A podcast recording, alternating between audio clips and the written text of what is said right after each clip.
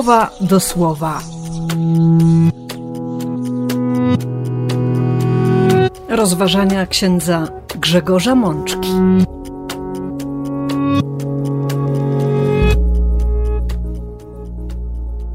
Niedziela Palmowa, czyli Męki Pańskiej, rok A.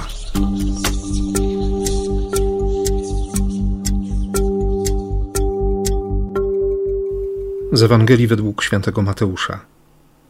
Kiedy wszedł do Jerozolimy, poruszyło się całe miasto i mówiło: Kto to jest? A tłumy odpowiadały: To ten prorok, Jezus z galilejskiego Nazaretu.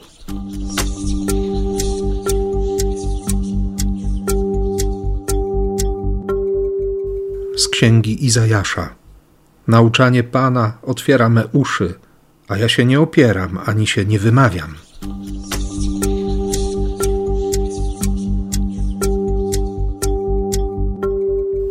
Z Psalmu 22.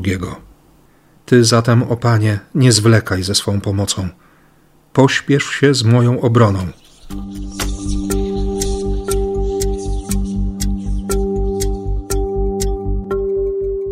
Z listu świętego Pawła do Filipian.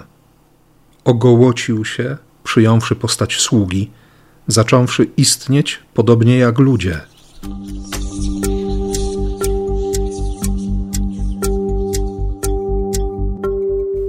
z Ewangelii według świętego Mateusza. Jest królem Izraela. Niech teraz zejdzie z krzyża, a uwierzymy w niego.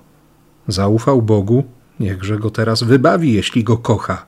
Przecież powiedział: Jestem synem Boga.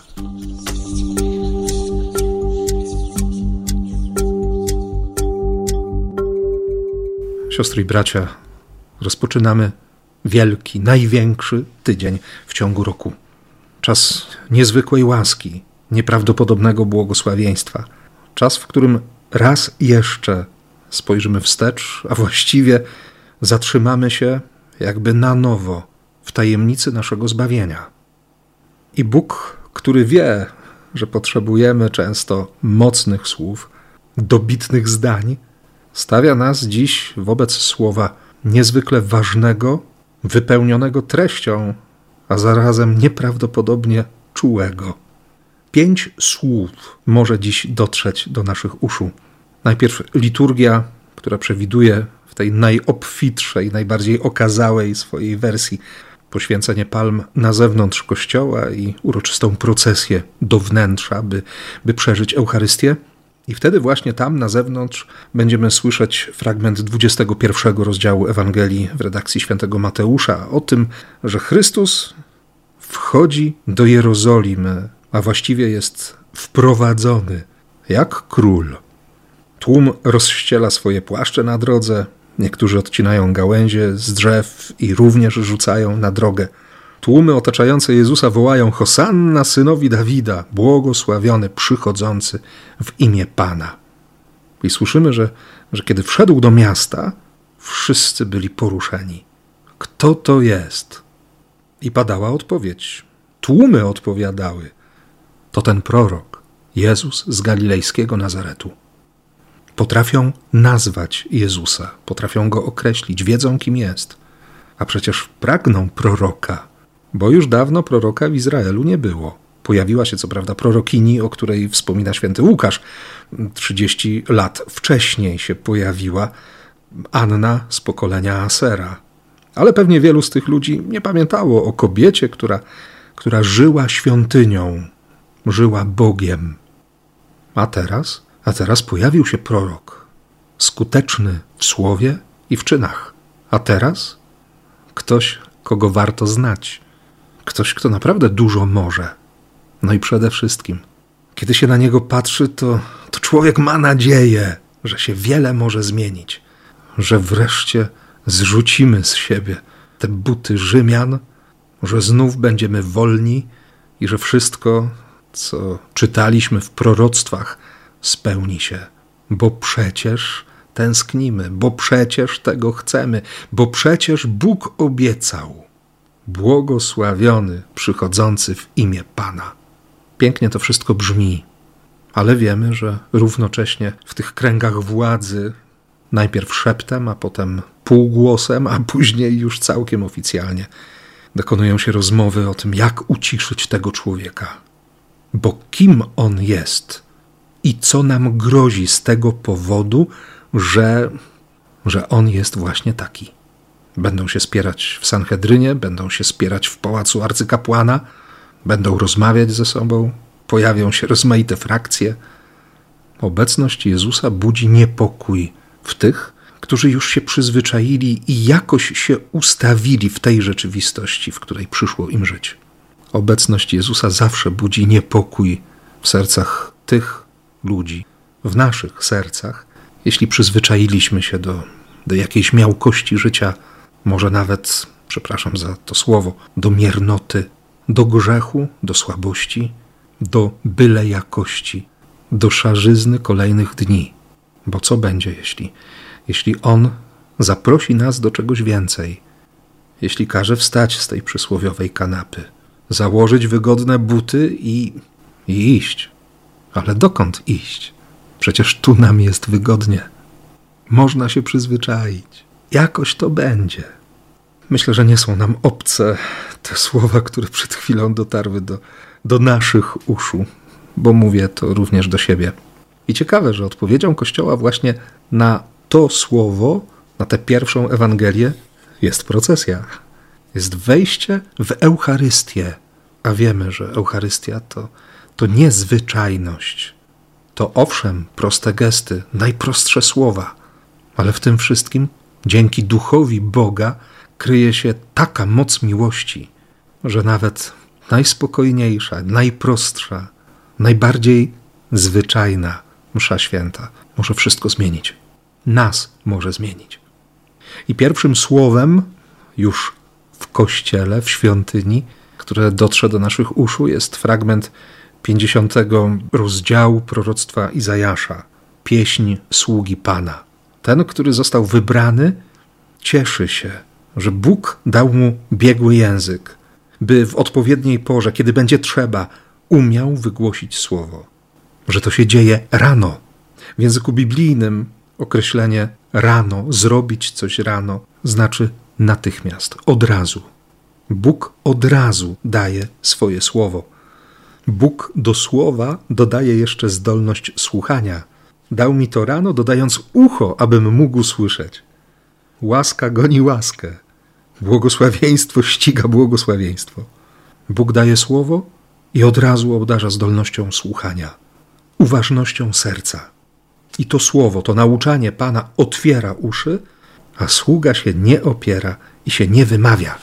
My dobrze wiemy, że, że nierzadko słowo Boga nie jest łatwe do przyjęcia, że słuchanie, słuchanie Pana, słuchanie Jego słowa w kościele, we wspólnocie kościoła, jest związane z konkretną trudnością, bo przecież mamy swoje zdanie, my wiemy, jak wszystko powinno wyglądać, i tak dalej, i tak dalej. A Bóg mówi, Bóg mówi, jak jest. Sługa Boga się nie opiera ani się nie wymawia. Konsekwencje przychodzą bardzo szybko. Grzbiet mój wystawiłem na baty, moje policzki na uderzenia. Nie odwróciłem twarzy od zniewagi oplucia. Pan stał się moim wspomożycielem. Wiem, że nie doznam zawodu. Ten, który mnie usprawiedliwia, jest blisko mnie. Dziś potrzebujemy tej bliskości. Stajemy przed Bogiem ze świadomością, że, że stać nas na zapomnienie, że potrafimy być bardzo nieuważni. Dlatego potrzebujemy Jego bliskości. Dlatego potrzebujemy Jego objawienia, Jego interwencji, Jego zaangażowania. Jego inicjatywy. Chcemy wiedzieć, chcemy doświadczyć, że On jest blisko. Właśnie takie pragnienie jest też w sercu człowieka, który, który woła do Boga z otchłani przerażenia. Autor Psalmu 22, psalmu określanego jako tekst mesjański, rozpoczyna swoje wołanie od, od przejmującego: O Boże, mój Boże, zajmij się mną. Dlaczego mnie opuściłeś? Liczba moich przewinień odsunęła mnie daleko od mojego wybawienia. Boże mój, jeśli za dnia będę wołał, nie usłyszysz, jeśli nocą nie uzyskam odpuszczenia mi, bo Ty jesteś święty. Ty, chwało Izraela, mieszkasz wśród tego, co święte. Świadomość grzechu, wiedza o swojej słabości, przerażenie złem. Ale przecież w nim, w nim pokładali nadzieję nasi przodkowie, zaufali mu. On niósł ratunek, wołali do niego, dostępowali ocalenia, oczekiwali pomocy, nie doznali zawodu. No, no Bóg jest wierny, Bóg jest wiarygodny, więc też chcę wołać. Mogę wołać, mam prawo wołać. Mam prawo domagać się pomocy, mam prawo krzyczeć o łaskę. Mogę to zrobić. Nie dlatego, że mi się należy, ale dlatego, że jestem umiłowanym dzieckiem, dlatego, że On kocha. I nie dziwi po tych wersetach z koszmarną wizją progu, a właściwie przekroczenia progu śmierci. Moc wyciekła jak woda, moje kości rozluźniły się, moje serce pośród mych trzewi rozmiękło jak wosk. Siły wyschły jak gliniana skorupa, język przywarł do podniebienia. Prowadzisz mnie do dołu dla umarłych. Sfora psów mnie opadła, otoczyła mnie zgraja złoczyńców. Rany mi wyryli na mych rękach i nogach. Policzyć mogę wszystkie moje kości, a oni się przypatrują, oglądają mnie. Podzielili między siebie moje szaty, o me odzienie rzucili losy. I wtedy właśnie pojawia się to wołanie w wersecie dwudziestym. Ty zatem, o Panie, nie zwlekaj ze swą pomocą, pośpiesz się z moją obroną. Ratuj, ratuj me życie. I kiedy podczas lektury tego psalmu przesuniemy wzrok dosłownie o dwa, trzy wersy w dół, przeczytamy: Będę rozgłaszał Twe imię wśród moich braci, pieśnią będę Cię wysławiał na zgromadzeniu. Głoś Jego chwałę. Niech wszyscy potomkowie Izraela żyją w Jego bojaźni. On nie lekceważy, nie gardzi prośbą biednego, nie odwrócił swojego oblicza. On mnie wysłuchał. Moja dusza będzie żyć dla Niego. Ten, który stoi w śmierci, ma pewność, że będzie żyć. To jest nadzieja, to jest wiara, to jest zaufanie. Tego chce dla nas nasz Pan i Bóg. Możemy mieć takie serce. Możemy tak żyć. I żeby nas w tym upewnić, przychodzi do nas jeszcze w tej liturgii święty Paweł we fragmencie drugiego rozdziału listu do Filipian. Pielęgnujcie w sobie taki sposób myślenia, jakim był przysiągnięty Chrystus Jezus. On bowiem, choć jest Bogiem, to jednak przebywając na ziemi, nie upierał się zachłannie, by korzystać z praw i przywilejów, które mu przysługiwały jako Bogu. Wręcz przeciwnie, sam siebie dobrowolnie z nich ogołocił, a przyjmując postać człowieka, pokazał nam, w jaki sposób powinniśmy być bez reszty poddani Bogu.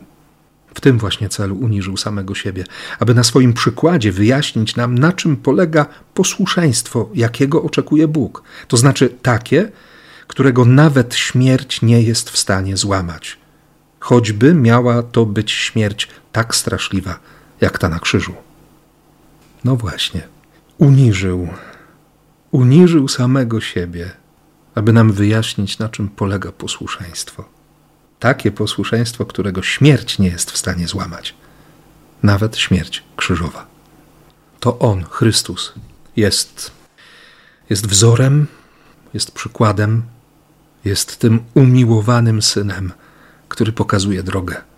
Co więcej, On jest tym, który oddaje za nas swoje życie i nie przestaje wierzyć, nie przestaje ufać, nie ucieka od Ojca, ale każdego z nas chce przyprowadzić. Każdego z nas chce uratować. Czy trzeba czegoś więcej? Dodatkowego komentarza? Wyjaśnienia, jaką miłość ma nasz Bóg? Do nas, do każdego z nas. A przecież my cały czas zadajemy sobie pytanie, kim on jest, czy naprawdę warto oddać mu całe życie, czy na pewno można mu ufać? To przerażające, że, że można patrzeć na krzyż, na ukrzyżowanego Boga i kpić, szydzić. Jeśli jest królem Izraela, niech zejdzie z krzyża, wówczas uwierzymy w niego. Zaufał Bogu, niech On go wyratuje. Jeśli go miłuje, niechaj go wybawi, przecież mówił, że jest synem Boga.